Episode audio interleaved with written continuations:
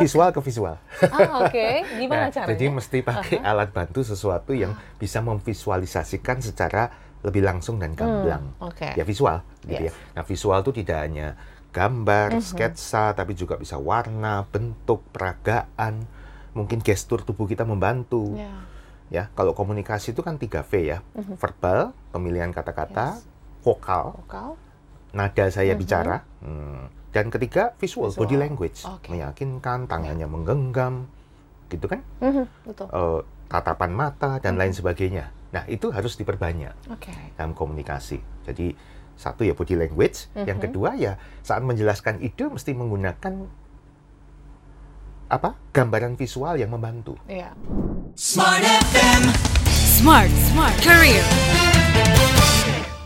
Small sebagai manusia kita selalu ya punya ide-ide baru, punya uh, visualisasi yang baru gitu ya untuk bisa diterapkan baik dalam karir ataupun mungkin dalam pekerjaan an- aktivitas sehari-hari. Tapi kadang sulit sekali nih untuk merealisasikannya. Tapi gimana cara aslinya ataupun cara tepatnya supaya kita bisa menerapkan ataupun menggambarkan ide-ide kita dengan baik.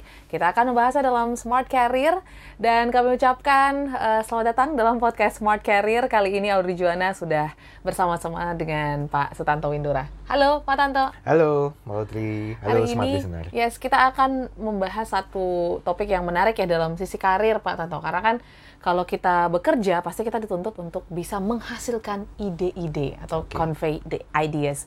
Tapi sulit sekali untuk memvisualisasikan ataupun menyampaikannya kepada orang lain.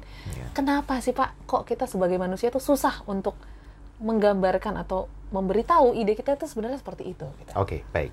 Mungkin lebih enak diterangkan memang melalui manajemen otak Oke. ya. Nah, karena ini kan komunikasi otak dengan otak sebenarnya Betul, ya. betul. Oke. Jadi paling tidak ada tiga hal ya. Yang pertama memang otak setiap orang itu berbeda-beda ya. One in infinity, one for eternity. Hmm. Oke. Ya, jadi kalau menerangkan satu topik aja, misalkan Hmm. saya dengan Mbak Audrey mungkin punya database yang berbeda, Mhm. ya pengalaman yang berbeda, cara menyampaikan yang berbeda. Akhirnya diterimanya tidak seperti yang kita harapkan. Ya. Betul. Itu yang pertama ya. Lalu yang kedua, hmm, ini apa? Bahwa kalau kita menuturkan menyampaikan ide, Mhm. eh, itu kebanyakan adalah secara linier, kan Oke. lisan ya. Yes. Kalau saya ngomong, halo apa kabar, Hmm, pasti masuk ke otaknya kan urut ya. Betul. Halo pertama, Apa apa, kedua, kabar? Ya. kabar, ketiga. Tidak bisa melawan Mhm, urutannya dari betul. si sumber. Nah, kadang itu diterima oleh lawan bicaranya membingungkan. Mhm. Seperti halnya kita ngomong ke teman-teman kita, ada yang paham, tapi ada juga maksudnya gimana sih? Coba diterangin Ulang lagi. lagi.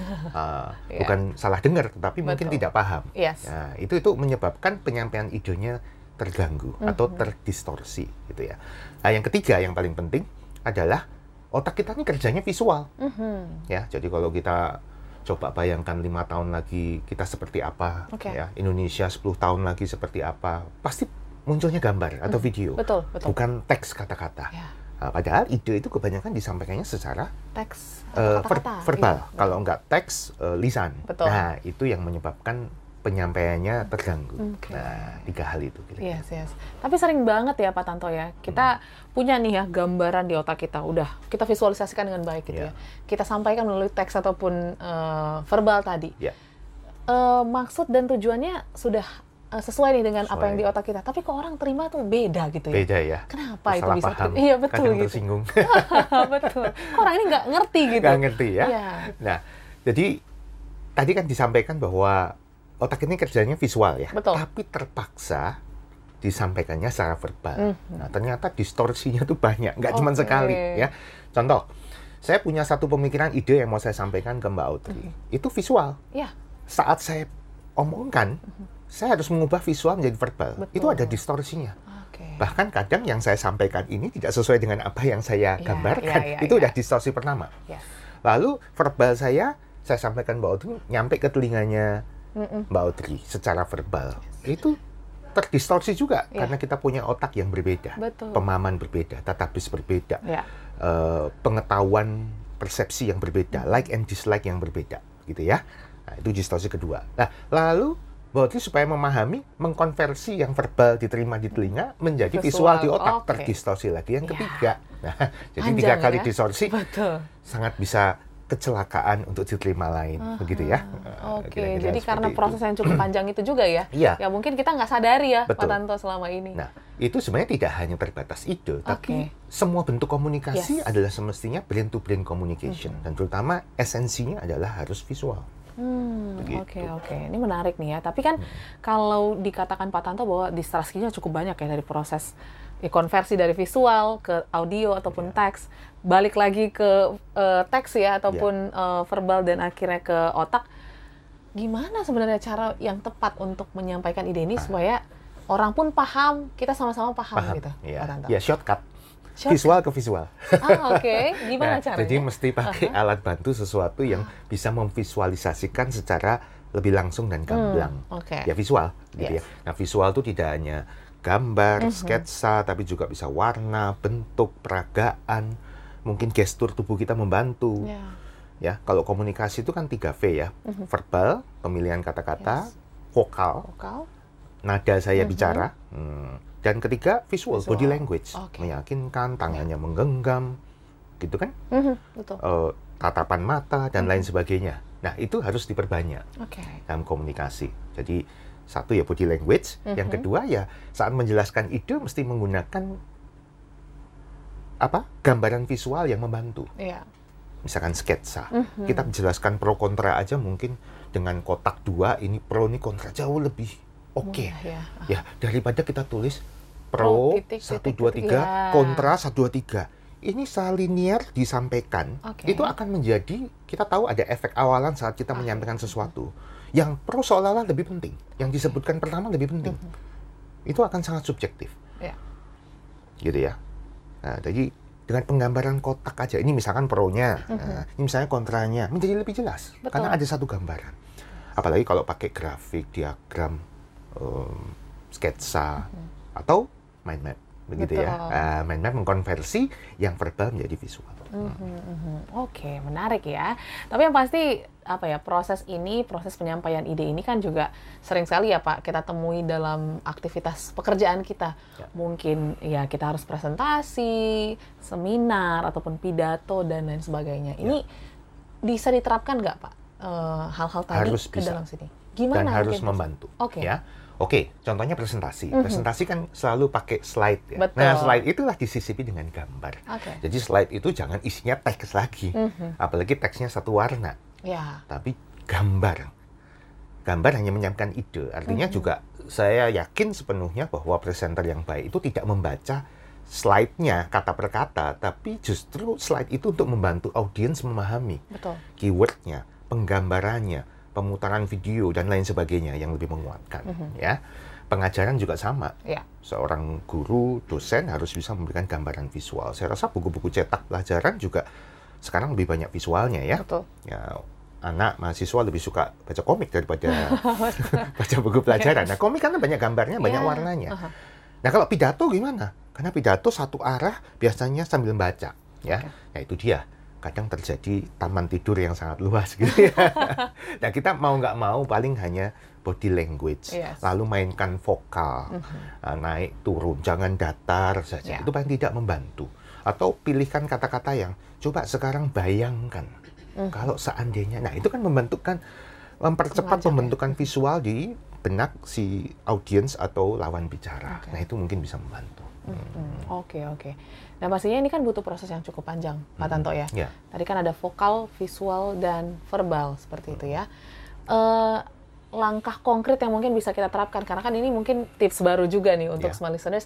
Kalau dilakukan tiga-tiganya kayaknya cukup sulit ya, Pak Tanto ya. Mungkin kalau Bisa. yang oh bisa. Ya bisa. Eh, cara mudahnya mungkin yang Ya, bisa seperti diterapkan. presentasi kan harus ada body language-nya, Oke. lalu kita meng- mengeluarkan kata-kata verbalnya, tapi Mhm. mainkan kata-katanya. Contohnya, jadi rekan-rekan, yang paling penting pertama adalah, nah itu vokalnya ada, body language-nya ada, verbal otomatis ya, kita sedang bicara. Betul. Lebih seperti itu. Oke. Nah, eh, mungkin sedikit lagi nih, Pak Tanto ya, Hmm. berkaitan dengan eh, menyampaikan ide dan juga pastinya menyampaikan eh, apa ya pesan ya dalam dalam otak kita. Kadang kan seperti yang kita tahu ya, Pak Tanto ya, mungkin eh, or- lawan bi- lawan bicara kita juga eh, apa ya sulit diberikan pemahaman ketika mungkin sudah sudah kita berikan visualisasi yang yang tepat. untuk membantu lagi ada ada cara lagi nggak sih yang lain? Kalau misalnya kok kayaknya udah dikasih visualisasi tapi masih kurang paham gitu, Pak Tanto. Oke, ya terlepas dari kemampuan memahami dari lawan bicara kita, Yes. itu adalah salah satu bentuk kecerdasan namanya eh, verbal linguistic intelligence. Artinya kecerdasan yang berhubungan dengan kemampuan memahami Oke. dan kemampuan menyampaikan ide. Hmm, ya. Nah, kalau misalkan lawan bicara kita memang skornya kecerdasan bahasanya tidak terlalu tinggi, it's okay. Memang Oke, dia ya. butuh dijelaskan dua kali atau dengan Iya, cara lain. oke. Nah, kalau visualisasi tidak eh, kurang, Mm-hmm. ya mau nggak mau harus penggambaran. Visualisasi kan Iya. menggunakan mata otak. Betul. Nah, sekarang pakai mata beneran Mata, gitu iya, ya. Mungkin sketsa di whiteboard dan lain sebagainya. Ya. Tapi juga artinya lawan bicara kita itu tidak paham itu bisa bukan karena metode komunikasinya, tapi karena tingkat pemahamannya database yang berbeda. Oke. Contoh, saya meng- menggeluti dunia properti, usaha saya di samping sebagai trainer speaker. Ya. Saya ngomong tentang eh, KDB, tahu nggak? Nggak tahu. Nah, nggak tahu kan? Iya. Karena dunianya berbeda. betul. Jadi itu bukan problem komunikasi, tapi Iya. memang problem hal yang lain. Yes. Nah, tentu saya harus menjelaskan. KDB itu adalah koefisien dasar bangunan. Jadi kalau kita ingin mengembangkan lahan, hanya sekian persen tapak yang boleh. Sisanya Oke. harus buat jalan, saluran, eh, fasilitas ta- apa itu taman dan lain Yes. sebagainya. Nah, kurang lebih begitu. Oke, Nah, jadi ada beberapa faktor sebenarnya ya. eh, faktor. Hmm. Aha. Ide juga demikian. Yes, berarti uh, kita juga harus paham dulu kalau misalnya kita menyampaikan ide yang mungkin database-nya nggak ada dari lawan bicara kita ya mungkin Ya, kita tentu, harus tentu pasti nggak paham ya. Iya betul. Jadi itu hal yang wajar untuk Ya. anda lebih ekstra lagi ya memberikan Ya, pemahaman. tapi memang kebanyakan problemnya komunikasi ya. Komunikasi. Nah, tentu yang bicara kan tentu udah tahu ya lawan bicara ini paham nggak sih? betul. Saya dokter, ini orang IT, saya mau menjelaskan tentang sesuatu yang berhubungan dengan dunia kedokteran ya mungkin saya harus menjelaskannya pelan-pelan dengan bahasa yang membumi. Tapi Ya. kebanyakan problemnya adalah itu tadi, Masalah brain to brain miscommunication. Iya, iya, iya, brain to brain miscommunication. Kalau misalnya Pak Tanto, kita sebagai penyampai ide bisa nggak sih melihat gambaran nih orang paham nggak sih apa yang saya sampaikan? Karena kan ada yang bilang, oh iya, iya, iya, iya. Tapi pas eksekusi ternyata, duh, kayaknya dia nggak paham deh apa yang saya jelaskan gitu. Ya kalau orang yang pintar acting bisa dilihat. ya kelihatan ya. Kelihatan Dari sorot matanya, bahasa tubuhnya. Oke. Kita bisa tes salah satunya adalah verifikasi itu adalah dengan Oke. salah satu bentuk pertanyaan adalah pertanyaan verifikasi. Apakah orang ini paham atau Iya, tidak? iya. Ya, di tes pertanyaan kalau dia bisa jawab, menegaskan pemahaman itu terbentuk di dalam dirinya, begitu ya. Oke, Hmm, ya. Jadi boleh dipertanyakan kembali ya. Iya. Jadi kalau misalnya memang Anda rasa belum paham, Iya. diulang lagi, it's Iya, okay, seperti itu. Karena pasti uh, skill ini juga sangat penting kita punya dalam mengembangkan karir dan juga mungkin uh, aktivitas kita sehari-hari, nggak cuma karir pastinya ya, Iya. dalam belajar, dalam menyampaikan uh, pesan ataupun ide di ada yang ada di otak kita. So mungkin uh, tadi ya tiga tips ya Pak Pak Tanto ya vokal, visual dan verbal itu yang mungkin Oke. bisa dilatih terus. So yang pasti bisa diterapkan langsung small listeners dalam pekerjaan Anda.